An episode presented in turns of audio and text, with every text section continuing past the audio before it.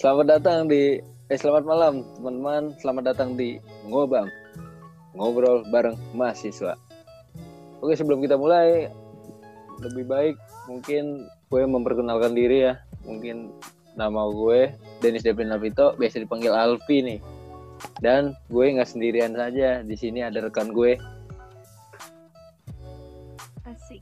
Dan gue Irsadini Hanifah, biasanya dipanggil Gini atau Ica juga boleh. Dan satu lagi ada Oke, hai, gue Priska Rawati Kusuma, biasa dipanggil Ika atau Ica. Oke, gimana nih? Pada sehat-sehat aja nih. Alhamdulillah. Alhamdulillah. Gimana nih Bapak Alvin? Jadi al Alvin. gimana ya?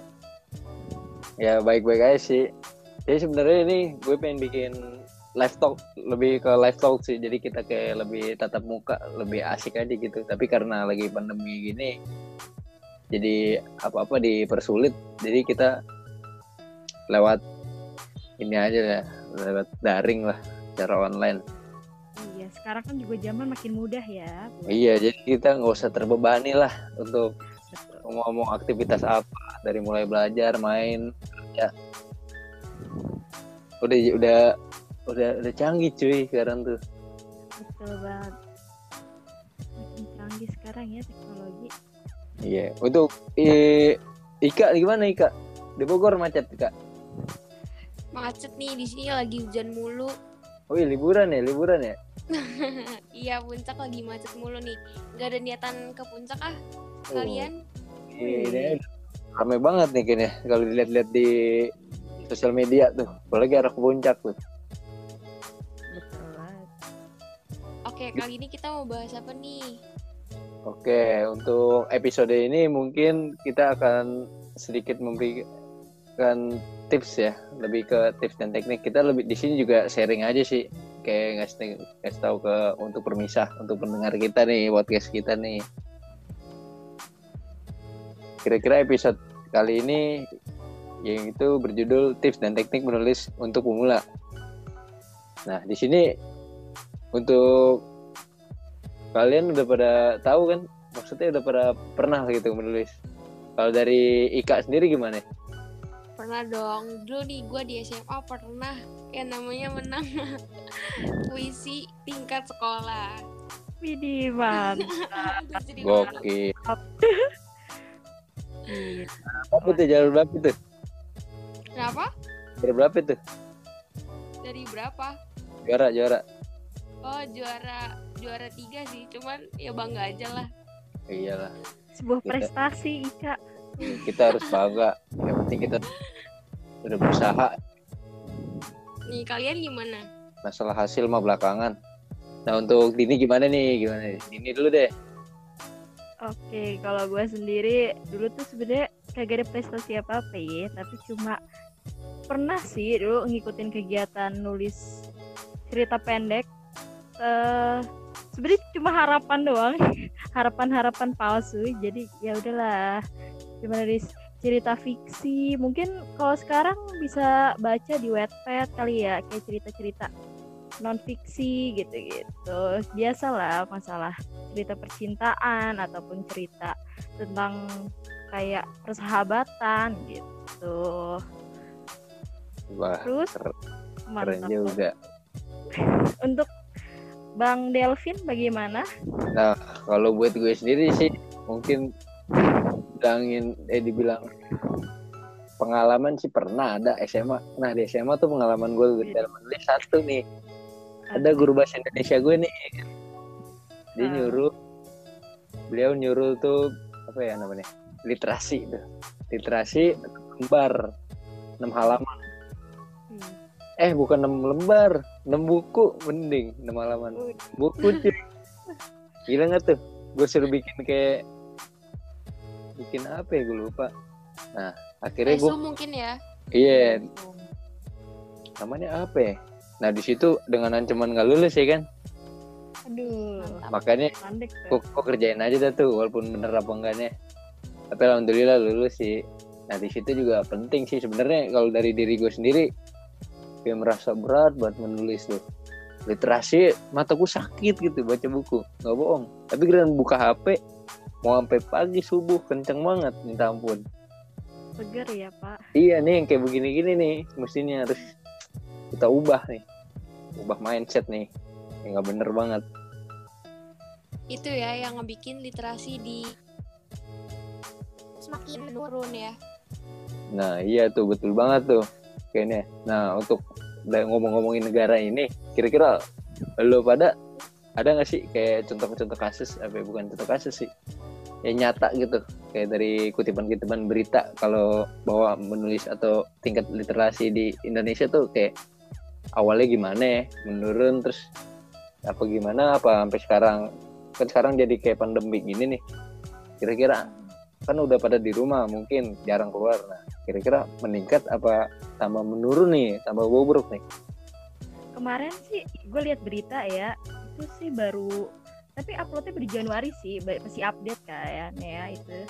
Itu dia tuh bilang uh, selama pandemi minat baca di Indonesia lebih unggul dibanding di Amerika Serikat. Wow gila mantep banget ya. Jadi uh, pandemi ini tuh kayak membawa makin-makin uh, orang tuh minat bacanya tuh lebih tinggi ya Hmm, berarti berarti dari kalau misalnya sebelum covid berarti kan covid tuh muncul dari 2019 kan ya? Ya. Mungkin dari sebelum ya, itu ya. tuh menurun eh dari menurun emang kita kualitas literasi kita anak-anak Indonesia lah kurang ya mungkin ya gitu. Iya. Atau lah, nah mungkin karena masuk ke covid berarti ini ada berkahnya juga nih covid nih. Iya benar banget. Karena orang punya waktu lebih luang biasanya tuh mereka memanfaatkan dengan hal yang positif. Contohnya kayak menulis membaca. Good good batu bener tuh. Gue setuju nih sama Priska nih. Nah, apalagi kalau buat di rumah tuh lebih waktu sama keluarganya lebih banyak lah ya dari Iya, kita sibuk. Rasain lah walaupun ada suka dukanya dari covid ini. Nah untuk kalian-kalian semua nih untuk permisa yang mendengarkan podcast ini jangan lupa ya terapkan 3M Apa Den? apa tuh? Memakai masker mencuci tangan menjaga jarak oke? Wih, iya benar. Pada saat patuhin pandemi kayak gini kita harus nih ngejaga protokol kesehatan. Harus banget wajib. Kalau sekarang udah ada dendanya. denda denda denda. Oh denda ya sekarang ya. iya denda. Nggak pakai masker denda anda Wih, sanksi anda mau anda semakin diperketat ya. ya karena ini emang keren India nih emang kacau nih India. Oke kita langsung masuk ke topiknya aja ya mungkin ya. Di sini gue bakalan ngejelasin dulu nih. Menulis itu apa gitu menurut KBBI nah dari sini yang gue kutip dari KBBI itu menulis adalah melahirkan pikiran atau perasaan. Jadi kayak kita mengarang gitu membuat surat membuat tulisan Berarti menulis itu berarti menuangkan isi hati si penulis ke dalam bentuk tulisan. Nah, sehingga maksud hati penulis bisa diketahui banyak orang orang melalui tulisan yang dituliskan. Nah, untuk manfaat menulis itu sih, wah banyak banget menulis manfaatnya. Dari menulis tuh kita manfaatnya untuk kehidupan, di antaranya sebagai media penyalur emosi maupun ekspresi diri belajar beropini, melatih kreativitas, dan mengembangkan imajinasi. Nah, menulis juga memiliki manfaat bagi kesehatan. Salah satunya adalah meredakan stres nih. Nah, buat buat kaulah-kaulah muda yang stres nih, lagi stres galau, mendingan di rumah setel lagu, ya kan lagu lofi, ya kan jam-jam jam-jam overthinking gitu malam ya kan Iya.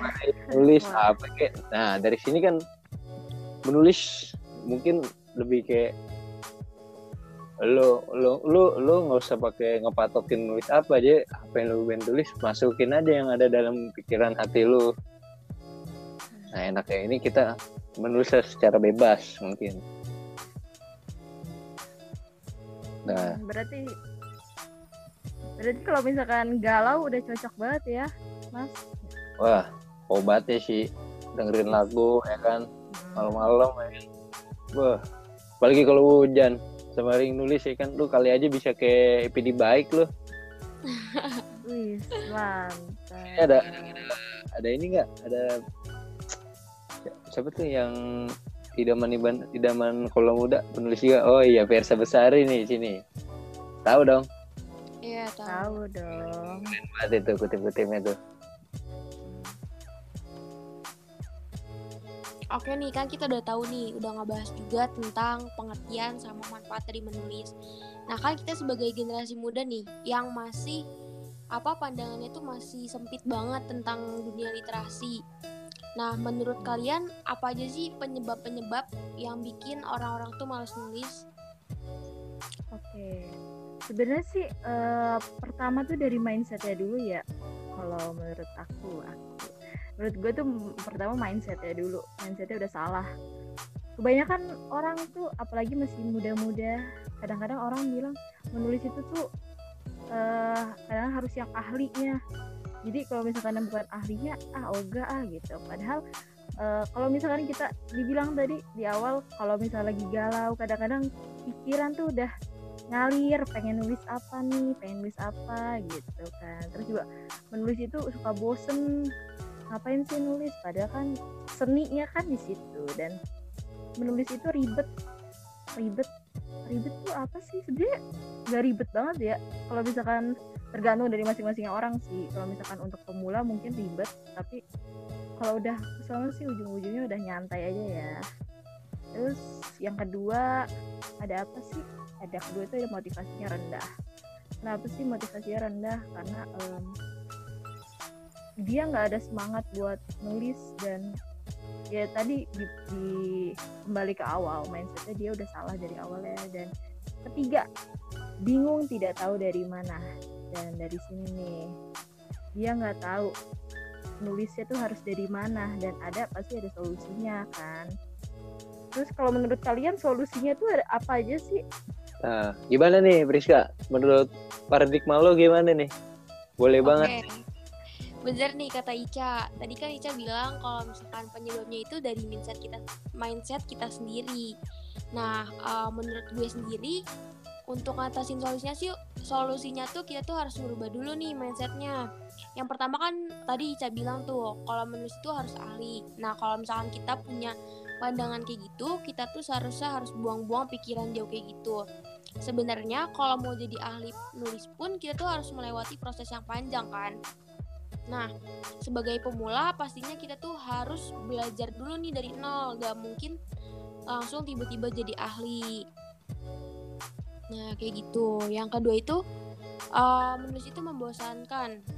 Nah, sebenarnya tuh menulis tuh eh, bisa nggak membosankan asalkan kita tuh punya niat yang baik atau punya niat positif gitu. Kalau misalkan menulis itu sebenarnya tuh menyenangkan. Menurut kalian kayak gimana nih? ya mung- mungkin sih emang gimana ya? Kita tuh berarti harus mindsetnya harus merubah. Yang di kita lihat dari contoh kecil aja deh waktu zaman dulu nih. Kalau buat menurut gue pribadi nih gue tuh kalau udah matematika udah nggak tahu kenapa males aja. Nggak bohong. Males aja bawaannya. Padahal belum dijalanin gitu jadi kalau apa-apa ah malas malas nah kalau di otak kita isinya males terus nggak bakalan bisa udah nggak bakalan berkembang bakalan males aja terus. Di mindset lu tuh. Iya benar. kayak berkata lu misalnya misalnya nih ya kan bukannya contoh yang nggak baik ini emang bener-bener nggak baik nih. Kayak misalnya kita ada guru nih. Kita dulu nih waktu zaman sekolah kayak guru nih wah ini guru nyebelin banget ya kan. Nah kalau kita nganggap itu orang guru itu kayak nyebelin banget. Nah gimana mau masuk? Pelajaran gitu. Lu nya sendiri nggak suka udah nggak suka di otak lu mindset lu. Tapi kan itu semua tuntutan. Ya itu kan semua juga berpengaruh hidup lu. Kalau lu mau lebih baik lagi ya lu harus berubah mindset lu. Dan yang pastinya menulis itu manfaatnya banyak banget dari menulis. Nah, iya bener banget tuh. Apalagi sebagai kita nih ya, kayak mahasiswa, nulis itu bisa menghasilkan uang ya tentunya. wah ya betul banget itu kita juga Sekarang lebih banyak. lebih mengasah lebih mengasah pikiran kita menjadi kritis ya kan sebagai mahasiswa kita harus kritis dong Iya banget. banget. sekarang juga udah banyak banget lomba-lomba ya dari eh, universitas ataupun dari eh, perusahaan-perusahaan yang mungkin dari menulis puisi dan juga ini bisa dapat uang tunai ataupun sekarang banyaknya eh, hadiahnya dari ini ya OVO, GoPay. Iya Udah. banyak banyak. Mm, Kayak misalnya menulis esai ya, kayak gitu ya. ya, mm. Iya benar-benar. Jadi sekarang tuh menulis bukan hal yang inilah bukan hal yang nggak baik apa bukan nggak baik kayak lu sebenarnya nggak bisa lu ninggalin menulis gini nggak bisa lu lu yang ketinggalan malahan kalau Semakin berkat kita malas, semakin kita tertinggal ya. ya, makal masalahnya nih sekarang zaman udah makin besar ya kan makin tinggi. Nah dari menulis aja berarti lu menulis dari sebelum basicnya menulis berarti lu kan ada kayak literasi. Lu malas baca di situ malas ngapa-ngapain baca buku. Lu sama aja lu ketinggalan. Lu samain nanti udah tinggal terima jadi aja lu digantiin nama teknologi. Teknologi sama lu, lu pada juga masih okean teknologi kalau lu kagak literasi nah. Iya penting benar banget ya literasi. jangan kan dia dia menulis sekarang nih kalau misalnya kita ingin benefitnya lumayan banyak lah. Salah satunya dari beasiswa mungkin. Kayak beasiswa BRI BCA nah nanti kan di situ dia minta portofolio. Nah portofolionya kayak nulis esai. Nah nulis esai. Coba kalau misalnya kalian nih kaulah muda nih. Misalnya kepengen banget beasiswa tapi ada syaratnya itu lu nggak bisa menulis.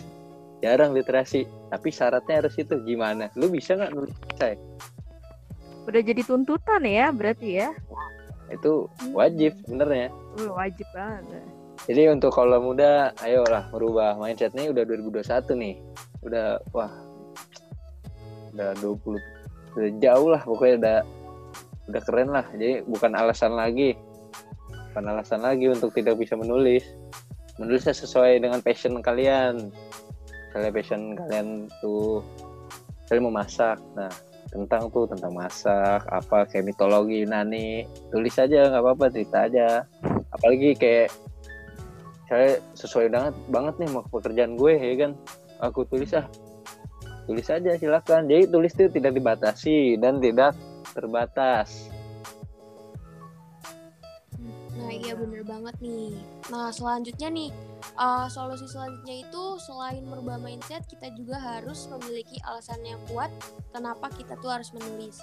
Kita ambil contoh deh, kita tuh ngambil alasannya agar kita tuh dapat membantu orang lain. Nah otomatis kan ide atau pemikiran yang kita punya, contohnya nih, gue misalkan jago masak. Nah gue tuh mau nulis resep misalkan bikin rendang ya yang paling populer lah Iya. nah gue mencoba nih nulis nih di sosial media atau di mana nah kan otomatis banyak orang nih yang nggak bisa masak pun mencari resep-resepnya otomatis tuh di sosial media atau di uh, situs-situs lain yang bisa kita tulis orang tuh kan akan merasa terbantu dengan tulisannya kita gitu kalau misalkan nggak ditulis pun uh, jadi tuh rugi gitu loh kayak sia-sia bener nggak Iyalah Iya. bener banget. Apalagi kalau misalkan resep kadang-kadang itu tuh paling-paling dicari banget ya. Apalagi kalau resep yang nemu yang enak. Wah, itu ngebantu banget pastinya. Iya bener banget. Kalian ada solusi yang lain nggak nih? Eh, Iya. gimana? Eh, Dini lo, lo punya solusi nggak nih buat kola-kola muda nih untuk anak-anak yang di rumah? Bukan nggak anak-anak aja sih. Untuk semuanya deh seluruh yang mendengar podcast ini ya kan? Kita kan di Iya. sini sharing aja nih sharing dan membagi pengalaman tips and trick untuk menulis. Ya kita di sini gitu Iya. Biar lulus aja lah lebih universal aja mana yang baik mana yang buruk dari pengalaman kita nih Iya, yang pasti eh, ini sih eh, nambah nambah hiburan. Nah, kan di sini banyak banget media yang menampung tulisan kita, misalnya kayak eh, di blog, website, media sosial, bisa Twitter, Facebook, bisa curcol, curcol di sana biasanya kan kaulah muda. Terus juga ada surat kabar majalah tabloid dan sebagainya. Dan kalau misalkan uh, gue tuh sering banget baca webpad jadi kalau misalkan di situ banyak banget cerita ya. Tapi sekarang udah berbayar sih jadi nggak semua bisa uh, dibacain satu-satu tapi itu menjadi hiburan sendiri sih. Terus juga um, memungkinkan ide dan pemikiran itu bisa dibuat lebih dalam dalam bentuk buku. Nah itu jadi buku itu tuh yang paling ih tadinya cuma nulis wetpad iseng-iseng bisa jadi buku ngasilin duit ya kan? Iya, iya bener bener banget bener. Apalagi nanti kita tulisan kita dipandang bisa dijadiin pandang nih dari sebuah tulisan kita terus kita bagus udah buat ke novel. Nah dari itu kayak ada sutradara film ya kan? Atau yeah. Dari inilah film-film gitu. Tadi kayak ngeliat kita wah ini cerita bagus juga nih ya kan. Nah nanti kita diangkat juga besok story ya kan. Nanti ada nama nama lo ya kan di situ referensinya. Iya. keren banget. kisah nyata juga sih itu. Iya. dari Dernatan Dernatan penulisnya. Iya jangan jangan kan Dernatan. Ini yang, yang lulu yang lagi booming boomingnya Dilan nih. Tahu kan lo Dilan? Oh, iya iya nah itu dari novel kan itu. Dari novel nah hmm. katanya juga sih itu kisah nyata. Lah lu tahu sendiri kan Dilan gimana? Penulis juga tuh dia puitis. Nah, yes. sekolah muda yang ingin menjadi Dilan dan ingin mendapatkan Milea. Ayolah semangat tulis yes. ada pesan Men tersendiri ya. Iya menulis itu hebat lah keren jadi bukan bukan untuk orang-orang hebat menulis Nah. Menurut siapa saja yang mau. Jadi tidak dibatasi antara umur, kemampuan, dan pintar apa bodohnya tidak ada. Semua bisa menulis jika ada kemauan. Betul banget. Uh. Nah, kalau lu sendiri, kalian pada lu ada kalau misalnya ini enggak cara-cara menulis gitu. Kayak bukan menulis sih kayak tips. Tips-tips kayak langkah-langkahnya mungkin apa aja tuh yang perlu dilakuin. Kayak misalnya apa gitu ya kan? Oke okay. yang per mau Ica oh, dulu nih? oke okay, yang mana aja. Banget nih asik banget nih podcast ini Kayaknya nggak bisa live Boleh deh. talk sih nih, asik banget. Boleh deh Priska dulu nih. Oke. Oke, gue dulu ya. Oke. Nah, ini kan masalah nih bagi anak-anak muda tuh bingung nih kita tuh mau mulai nulis tuh dari mana kan. Nah, kita tuh bisa menerapkan yang namanya teknik menulis bebas. Yang pertama itu kita harus nentuin dulu nih idenya. Mau kayak gimana, nulisnya apa yang mau ditulis gitu. Contohnya kayak pengalaman, kayak pengalaman percintaan, keluarga atau lain-lainnya.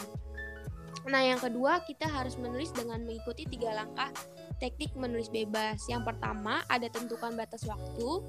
Yang kedua, menulislah sampai batas waktu habis. Yang ketiga, baca dan edit. Jadi, tentukan batas waktu itu misalkan gue kan mahasiswa nih, nggak punya banyak waktu untuk kayak menulis misalkan karena ikut berbagai organisasi. Nah, gue tuh bisa nge-deadline diri gue sendiri. Misalkan satu bulan gue harus bisa menulis berapa chapter gitu. Jadi tuh dibawa enjoy aja nulisnya. Jangan dibikin beban ya. Nah, iya nah. benar. Jadi kan otomatis diri kita sendiri tuh termotivasi kan. Nggak dikejar-kejar ya sama yang namanya deadline itu. Iya, kata tuh jadi menulis tuh luas lah nggak ada kayak patokannya. Ya nggak ada batasannya ya emang. Mau di mana aja mau kapan aja bisa menulis. Mau dari elektrik ya kan seperti elektronik HP laptop atau notebook atau nggak buku bisa kan? Nah betul banget. Udah canggih udah canggih. Semua juga di web web gitu udah tersedia untuk untuk kita pengen menulis dan yang pastinya menulis itu nggak harus pakai buku dan pulpen ya teman-teman nggak nggak harus di mana saja bisa kok Sudah kapan saja Nah, boleh dilanjut sama Ica nih. Kalau misalkan menulis bebas itu masih belum berhasil, kita tuh harus ngapain sih, Ca? Eh, jadi yang kedua itu ada lakukan dengan cara menulis dengan meniru. Tapi menirunya tuh bukan untuk dipublikasiin ya, cuma untuk diri sendiri aja. Jadi yang pertama itu ada langkah menulis dengan meniru. Eh, biasanya tuh menulis pertama tuh kita nyari dulu karya orang lain. Tapi ingat itu bukan untuk dipublikasiin ya.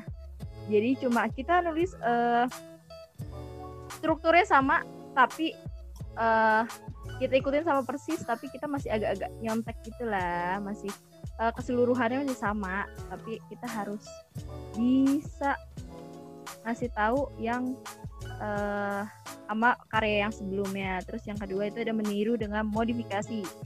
Jadi kita bisa ganti strukturnya masih sama tetapi intinya kita ganti. Misalkan yang satu judulnya uh, perkembang biak hewan apa gitu ya. Hewan kambing misalkan yang satu lagi perkembangan biakan hewan uh, sapi gitu. Kita intinya aja kita ganti. Terus yang ketiga menulis tanpa meniru. Nah di situ kita boleh mulai ubah-ubah tuh uh, strukturnya. Kita udah paham kita udah kita udah pelajari udah udah udah pas banget deh. Udah nggak perlu niru-niru lagi baru kita selesain dengan cara kita sendiri. Tapi kita masih hal yang lama. Oke bener banget nih. Good banget sih nih buat lo din. Keren lo jadi kita tuh ada tiga langkahnya itu berarti kalau gue yang simpulin dari lo din jadi tuh hmm. awalnya kita step by step lah. Dari kita nggak bisa menulis kita kayak tiru dulu nih sama percis. Dan yang pastinya situ lo tetap dong itu kasih kredit ini buku siapa dari siapa. Nah yang kedua baru tuh meniru dengan modifikasi. Nah itu lu meniru kayak berkata jiplak lah. Kalau dulu tuh gambar pakai kertas karbon dulu jiplak ya kan iya benar-benar kalau udah ada gambaran banget terus udah ketemu topiknya lu mau ke mana lu mau bahas apa lu mau ke mana nih tulisannya? Nah di situ baru.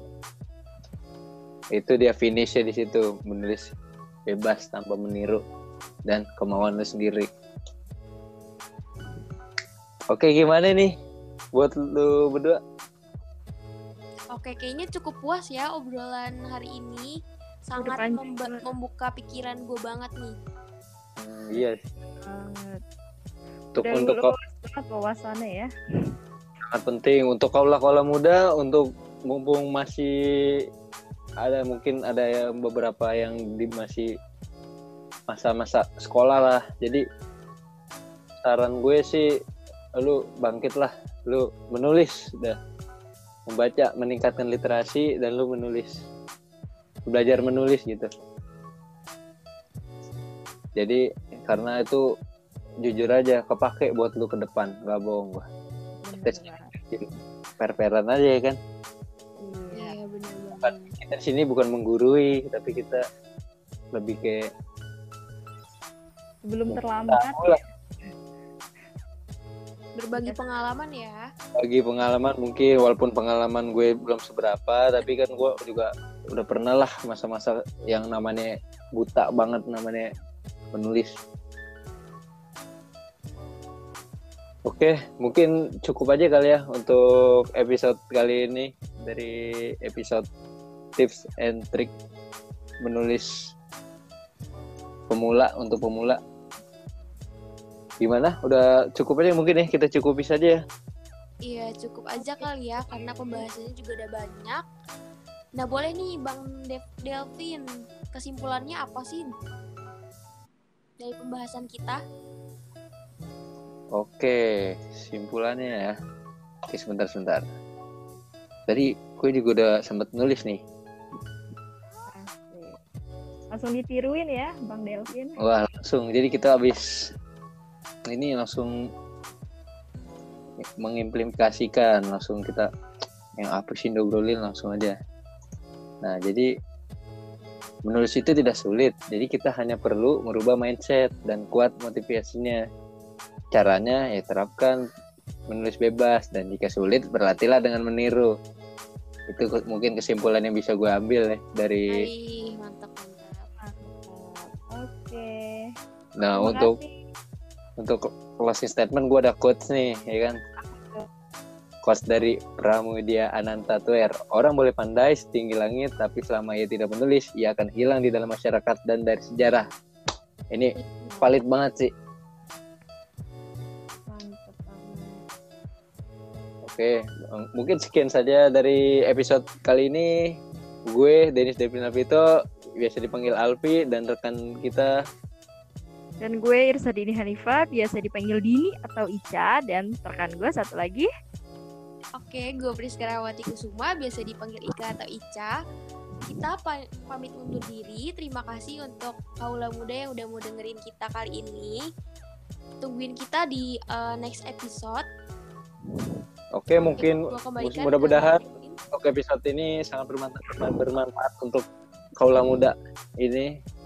Oke, tetap pantengin aja ya. Oke, ngobam ya kan. Ngobrol bareng mahasiswa. Oke, selamat malam. Selamat malam. Terima kasih Irza Didi. Priska. Oke, thank you. nanti kita live talk ya kapan-kapan.